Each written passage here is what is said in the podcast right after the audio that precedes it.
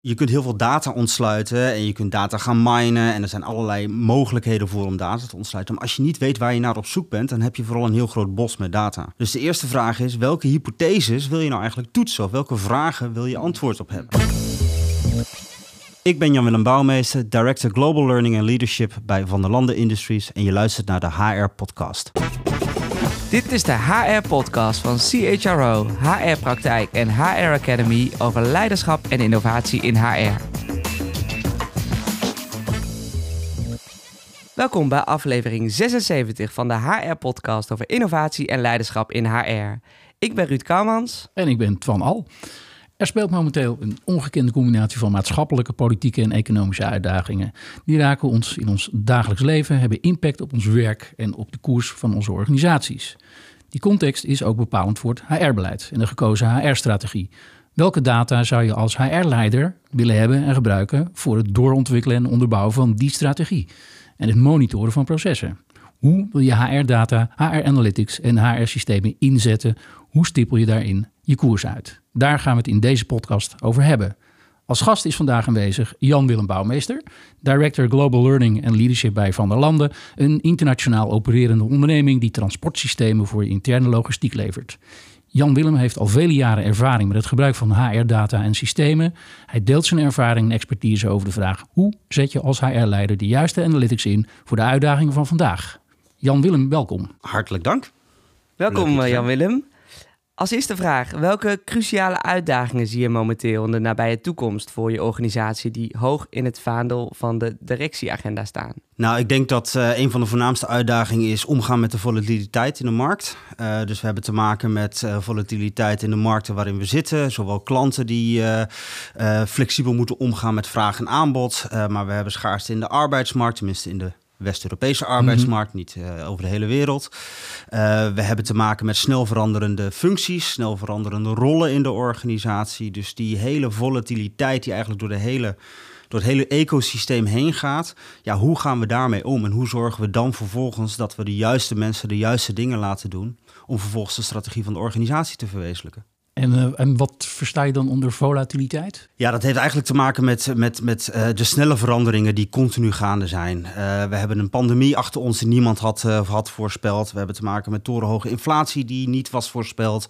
We hebben te maken met geopolitieke strubbelingen die niemand had voorspeld. En al die dingen hebben hun weerslag op, op, op, de, op de organisatie in de ja. markten waarin, waarin iedere organisatie zit. En Van der Landen zit heel verspreid over de hele wereld, hè? begrijp ja, ik? Klopt. Ja, ja. Ja. ja, we hebben op dit moment projecten in ongeveer 120 landen wereldwijd. Uh, en dat organiseren we door verschillende customer centers in regionale hubs. Dus uh, EMEA de, bijvoorbeeld, uh, Noord-Amerika, Asia Pacific. Maar inderdaad een, een global organisatie. En hoe hebben jullie dit vertaald in de HR-agenda bij Van der Landen? Dat hebben we vertaald door een, door een aantal strategische pijlers.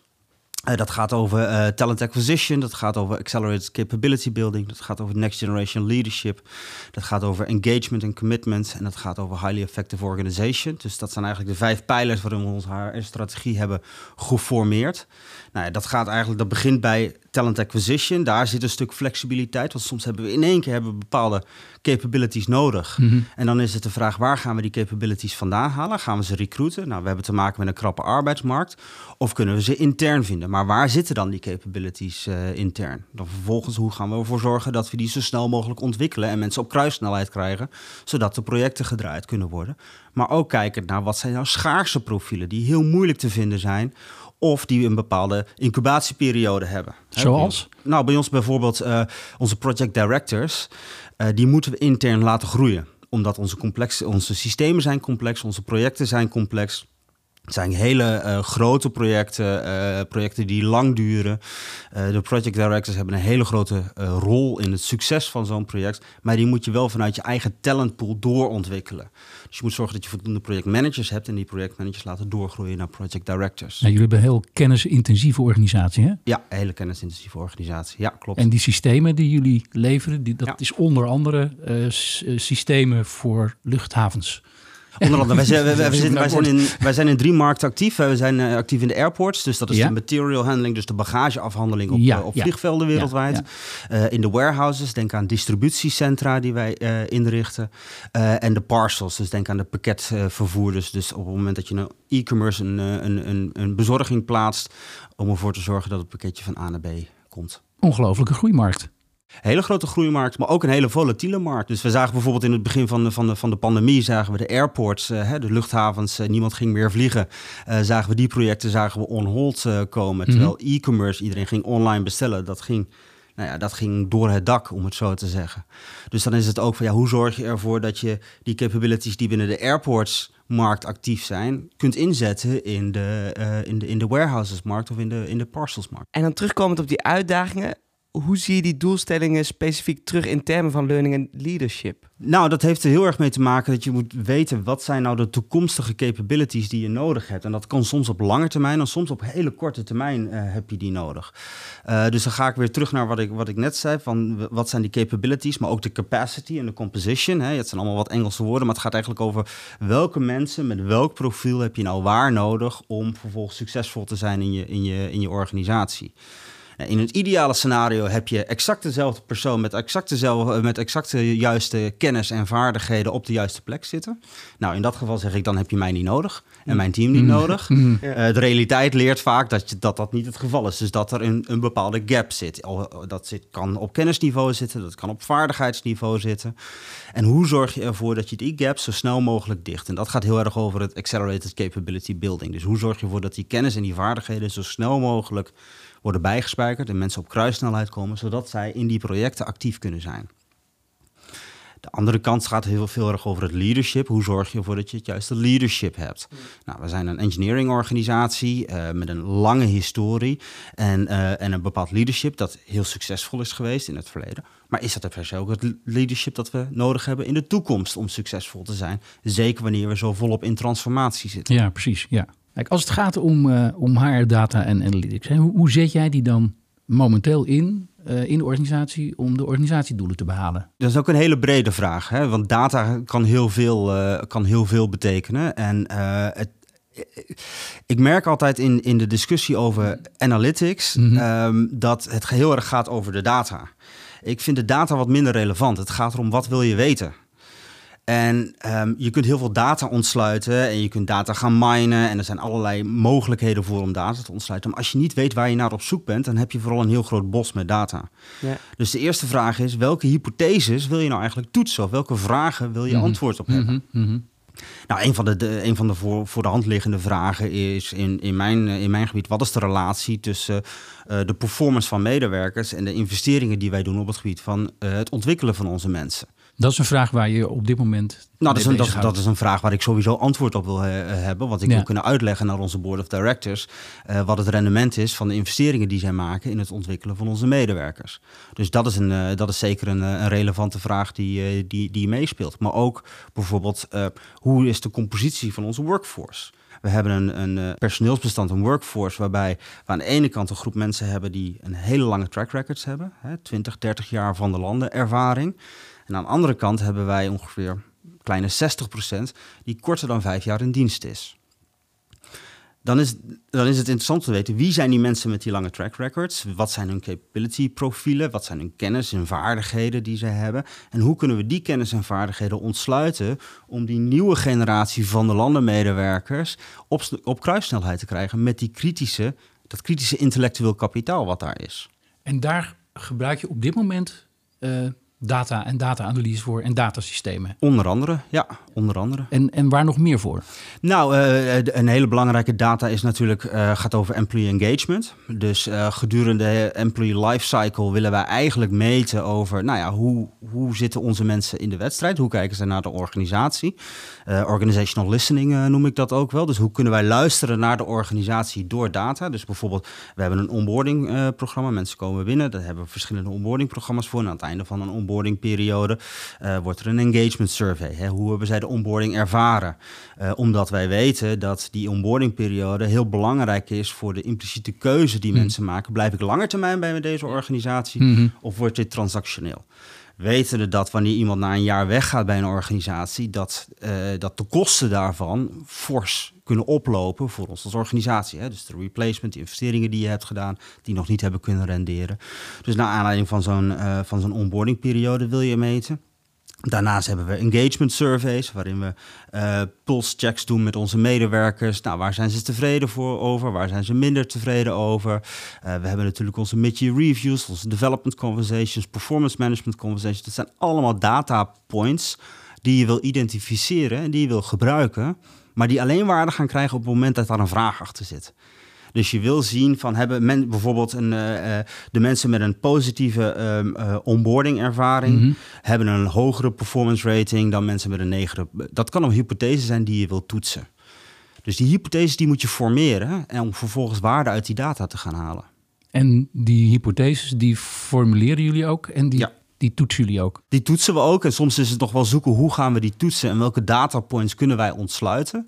Um, zeker als je uiteindelijk wil ik op, ben ik op zoek naar een geïntegreerd datalandschap. Daar zijn we nog niet. Uh, dus het is, we hebben verschillende systemen. In die verschillende systemen zitten verschillende datatypes. Mm -hmm. En die verschillende datatypes, ja, dat, dat, is soms zoeken naar hey, welke data points hebben we en uh, hoe, zien, hoe ziet die data er vervolgens uit? Wat is de kwaliteit van die data en hoe kunnen we die bij elkaar gaan brengen? En uiteindelijk ook om de koppeling te maken tussen zowel de kwantitatieve uh, evaluatie van die data, dat zijn de cijfers, mm -hmm gekoppeld met de kwalitatieve evaluatie, namelijk um, uh, iemand verlaat de organisatie, er wordt een exit interview gedaan, maar er wordt ook een survey. Hè? Is er een match tussen de kwalitatieve evaluatie en de kwalitatieve data die we zien en de kwantitatieve data? En hebben jullie een datateam? Hebben jullie, uh, of hebben jullie data-analysten die horen bij een een groter team, een breder team? Hoe is het bij jullie georganiseerd? Ja, we hebben, we hebben verschillende datateams. Uh, maar twee datateams waar ik zelf veel mee samenwerk... is uh, onze collega's van het Center, Center of Expertise van HR Technology en Data... Uh, dus daar werk, uh, werk ik natuurlijk veel mee samen. Dat zijn echt partners met wie we nou, kunnen ontsluiten van welke data hebben we nodig, hoe kunnen we dat evalueren. En het andere team is het Data and Analytics team, uh, die overal ook organisatiebreed kijkt naar hey, hoe kunnen we data ontsluiten, hoe kunnen we waarde en organisatie inzichten krijgen met de data die voorhanden is. En als je nou kijkt naar wat je op dit moment het, zeg maar, het meest wenselijk zou vinden, hè? Welke, welke twee HR-vraagstukken zou je het nu het liefst willen oplossen of de, de komende jaren mee aan de slag gaan? Waar je, wat je nu nog niet doet. Hmm. Oh, dat is een goede dus vraag. wat staat er hoog op je wensenlijstje? Wat staat er hoog op mijn, uh, op mijn wensenlijstje? Um, ik denk dat uh, een van de uh, belangrijke punten is, gaat over diversity, equity en inclusion. dus het aantonen dat diverse teams uh, mensen, dus teams die, uit, uh, die, die, die een hoge mate van diversiteit hebben en een hoge mate van inclusiviteit hebben, mm -hmm. dat die beter presteren dan teams die dat niet hebben. Uh, diversity, equity en inclusion is een belangrijk onderwerp. Ik denk niet alleen voor Van der Landen, maar ik denk organisatiebreed. Ja. Alleen wat heel vaak wordt onderschat, is dat er een performance vraagstuk ook aan diversity, equity en inclusion zit.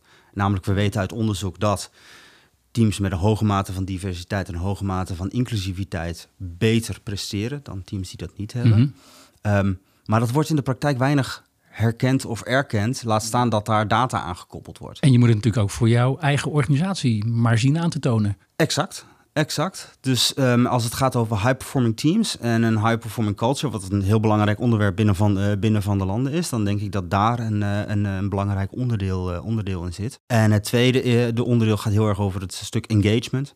Hoe kunnen we continu zorgen dat engagement van onze medewerkers um, optimaal is? Um, zodat zij ook die commitment aan de organisatie kunnen blijven geven. Zeker in die arbeidsmarkt waarin we zitten, die veranderende wereld waarin we zitten, de veranderende organisatie. Hoe kunnen we optimaal engagement realiseren en wat zijn ook de behoeften en wensen van onze medewerkers daarin? Maar die, die zeg maar, de engagement score, die meten jullie wel al. Ja, zeker. Maar ja. hoe je het kunt verhogen, dat is een volgende stap, begrijp ik. Ja, en, en wat, we wel, wat we wel heel goed doen is uh, voor iedere, voor, uh, bij iedere engagement survey die wij doen en iedere pulse check die wij doen, daar, komt, uh, daar komen ook follow-up acties. Daar hebben we een systeem voor, hè, wat managers ook helpt met welke vervolgacties gaan we daarop, daarop uitzetten. Um, Wat we niet weten is, uh, helpen die acties ook daadwerkelijk? Hè? Zien we ook structureel dat daarmee de engagement uh, verhoogd wordt?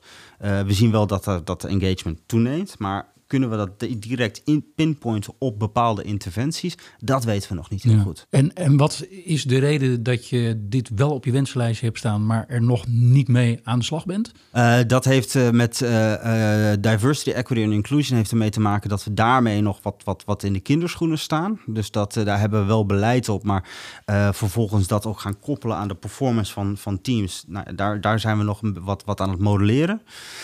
aan de kant van, aan de, kant van de van engagement engagement, daar zitten we nog wel naar te kijken van hoe kunnen we die verschillende datapoints, en dan niet zozeer de datapoints op de engagement, want die hebben we, mhm. maar de datapoints op de interventies die we doen. Mhm. Hoe kunnen we die gaan kwantificeren? Dus die zitten nog in het, ehm, in het stadium van het ontwikkelen van hypotheses. En, en hoe ziet het model eruit wat we willen gaan toetsen? Ja. ja. Als het gaat om meer datagedreven HR-processen en beleid, dan is de heilige graal voor veel HR-leiders een meer geïntegreerde digitale datastrategie. Herken je dat en waarom is dat belangrijk? En zo ja, hoe bereik je die? Ja, uh, ja, absoluut. Uh, geïntegreerd is, is denk ik het, uh, het sleutelwoord in deze. Um, mijn visie en mijn strategie gaat ook over integral talent management. Dus dat gaat over integraal talentmanagement vanaf hoe is de strategic workforce planning? Um, um, um, uh, welke mensen hebben we nou in de toekomst? Met welke vaardigheden en kennis hebben we nodig? Waar gaan we die vinden? Hoe gaan we die ontwikkelen? Hoe gaan we die behouden? Hoe laten we die interne mobiliteit optimaal, uh, optimaal stromen? Mm -hmm. maar die data die komt uit verschillende pools. Yeah. en uh, dat zal altijd een multiplatform aanpak blijven. Want ik geloof niet dat er ooit één platform zal zijn die al die data uh, in zich kan hebben. Mm -hmm. Uh, ik weet ook niet of het wenselijk is, want uh, data is wel het nieuwe goud hè, uh, wat er wordt gebruikt. Ik denk dat je in die geïntegreerde aanpak heel goed moet weten welke platformen hebben we, welke platformen hebben we nodig en welke data ons zitten in die platformen. En vervolgens, wat is een, kun je dan een data lake daaronder hebben, waaruit je dus je analyses kunt doen. En dat geldt ook voor learning and development hoor. Dus, dus de, de, tijd voor, de tijd dat je één LMS hebt, voor een organisatie met een bepaalde mate van complexiteit. LMS staat voor Learning, Management, System. Ja. Uh, die, is wel, die is wel voorbij. Je, je, hebt een Learning Management Systeem nodig. Maar je zult op een gegeven moment, als je voor software development, zul je een apart platform hebben, omdat je specifieke content specif voor een specifieke doelgroep. En zo krijg je eigenlijk meer platforms naast elkaar die aan de bovenkant uh, gekoppeld moeten kunnen worden om een goede learner experience te hebben, een learning experience platform. En aan de onderkant een data lake moeten hebben, zodat je uit die verschillende platformen de juiste relevante data kunt identificeren en kunt analyseren. En aan welke verschillende categorieën data moet ik dan denken? Dat gaat, eh, dat gaat heel, heel breed. Uh, als het gaat over, nou ja, bijvoorbeeld, wij hebben, een, wij hebben een platform dat specifiek gericht is op software development. Dus het upskillen van onze software developers met de laatste programmeertalen. Uh, dat is natuurlijk heel relevant, want de halfwaardetijd, oftewel de houdbaarheid van die skillsets, die is heel beperkt, die is heel kort. Wat je vandaag leert is over een jaar eigenlijk verouderd mhm. en soms nog, soms nog sneller. Mm dat platform, daar wil je vooral zien dat de juiste mensen de juiste vaardigheden hebben. dus dat zij op het niveau, niveau opereren dat, uh, waarop je ze nodig hebt en de laatste programmeertalen bijvoorbeeld uh, uh, tot zich hebben. Dat is de relevantie van dat, van dat platform. een ander platform, dat kan bijvoorbeeld een, een mentor matching platform zijn. Waarbij de mentoren, waar wat ik net over vertelde, hè, dus de, de, de, de, de veteranen van de organisatie met 20, 30 jaar kennis en ervaring, kunt matchen met nieuwe medewerkers die op een bepaald onderwerp even wat specifieke inhoudelijke kennis uh, zoeken. Dan zoek je een ander soort data uh, wat daar uitkomt dan, uh, dan bij een software development platform. En moet je, niet, moet je niet ook denken aan bijvoorbeeld financiële data? Of Zeker. data voor risk management? Of... Absoluut, dat, dat, kan, dat, dat kan daar zeker bij ook, ook onderdeel, onderdeel van zijn ja, dat... dus financiële data bijvoorbeeld in het, in het geval van ons, van hoe succesvol zijn onze projecten die we voor onze klanten draaien, ja, dat is financiële data. Dat gaat over contribution margins uh, bijvoorbeeld. Um, dat is financiële data die je wil ontsluiten. En onze project directors, die hebben mhm. een grote invloed op de contribution margin van onze, van onze projecten. Um, kunnen wij aantonen dat door het versneld ontwikkelen van project director de contribution margin van onze projecten verbetert. Ja, ja, ja. Mm. Nou, dat zijn wel hele gegraal uh, vraagstukken dat op het moment dat ik die onomstotelijk kan aantonen, nou ja, dan, dan ben ik redelijk tevreden. Want dan, Ja. eh, da- daar zijn we al jaren mee bezig om die, eh, die relatie en vooral die één op één relatie, voor zover die mogelijk is, aan te tonen. Dat het ontwikkelen van mensen direct invloed heeft op de performance van je organisatie. Eh, maar dat is wel eh, waar, je, waar je naar op zoek moet. Maar de kern is welke, wel- welke informatie heb je nodig om die data relevant te maken voor de vraagstukken die op dat moment in je organisatie zitten. Want je kunt data minen, je hebt tegenwoordig hele mooie machine learning algoritmes en artificial intelligence die je HR-data kunnen minen en vervolgens een prachtige landschap geven over hey, waar zitten nou welke skillsets. Maar wat, vertel, wat zegt je dat? Hmm. Ja, Ja. het begint, het begint hè, als ik jou goed begrijp, bij de businessvraag. Die moet je als eerste weten. Ja. Wat is relevant voor jouw organisatie? absoluut. En pas dan weet je welke data hebben we daarvoor nodig. En hoe gaan we die data vervolgens in modellen eh, vertalen. Ja, wat is, de, wat is de businessvraag en vooral wat is de, wat is de menselijke component binnen die businessvraag? En eh, het, als ter afsluiting eh, van, van dit interview jou nou vragen aan HR-professionals, eh, is een advies te geven van hoe zorg je er nou voor dat je de juiste vragen op tafel krijgt? Ja. Ja, dat eh, eh, en dan kom je weer terug naar ehm, wat is de voornaamste uitdaging die HR in dienst van de organisatie te leveren heeft. Hè, dus, als, dus, dus, dus als het gaat over het succes van de organisatie, waar is de menselijke component die bepalend is voor dat succes van de organisatie? En Mhm. welke elementen van die menselijke component zijn wij nou naar op zoek? Daar zijn wij heel sterk groeiend en zit het bij ons vooral op de juiste mensen zien te werven en de juiste mensen die aan, eh, aan ons zien te binden. Mhm. Dan zit je heel erg in de talent acquisition hoek. Dus moet je Ja. heel goed gaan kijken naar eh, welke kunnen we market insights kunnen we die koppelen aan ons interne talentlandschap Mhm. eh, bijvoorbeeld. En wat zijn de sensitivities waar mensen, hè, new hires, naar op zoek zijn? En in hoeverre voldoen wij aan die sensitivities? Bijvoorbeeld een van de sensitiviteiten waar mensen naar op zoek zijn, die op zoek zijn naar een nieuwe baan, wat zijn mijn groei- en ontwikkelmogelijkheden? Mhm. Nou, kunnen wij die groei- en ontwikkelmogelijkheden heel expliciet maken in het onboardingproces, waardoor mensen na afloop van het onboardingproces ook daadwerkelijk teruggeven: hey, ik zie een, een, rooskleurige toekomst bij onze organisatie vanwege de groei- en ontwikkelmogelijkheden. Als dat het vraagstuk is waar je als organisatie bij, bij zit, focus dan daarop. Mhm. En, en focus minder op, eh, nou ja, weet je, hoe gaan we de volgende generatie managers upskillen bijvoorbeeld, als dat geen relevante vraag is. En waar haal je die vraag op hè, als HR-professional? Moet je praten met het management? Moet Ja. je praten met de directie? Moet Ja. je... Wat, wat, Ja, en daar, daar, komt, daar komt denk ik de skillset rondom nou ja, business acumen eh, van, van HR. Dus snap je de business, begrijp je de business, begrijp je waar de business eh, behoefte aan heeft, waar ze, eh, waar, waar, ze, waar ze tegenaan lopen, waar ze mee worstelen. En weet je dat vervolgens te vertalen naar eh, menselijke vraagstukken. Oftewel, wat is de menselijke factor daarin? Ehm, eh, bij Van der Landen doen we dat in de vorm van people plans. Hè? Dus dat is de vertaling van de business unit strategie naar hey, en wat betekent dat nou voor de mensen daarbinnen en wat betekent dat dan voor dat integrale talent management, voor het, het, plannen van toekomstige eh, capabilities, composition, eh, eh, capacity, waar gaan we die vinden, hoe gaan we die ontwikkelen en hoe gaan we die laten doorgroeien in onze organisatie. Dus die doorvertaling en dat integrale denken, dat is, dat is cruciaal.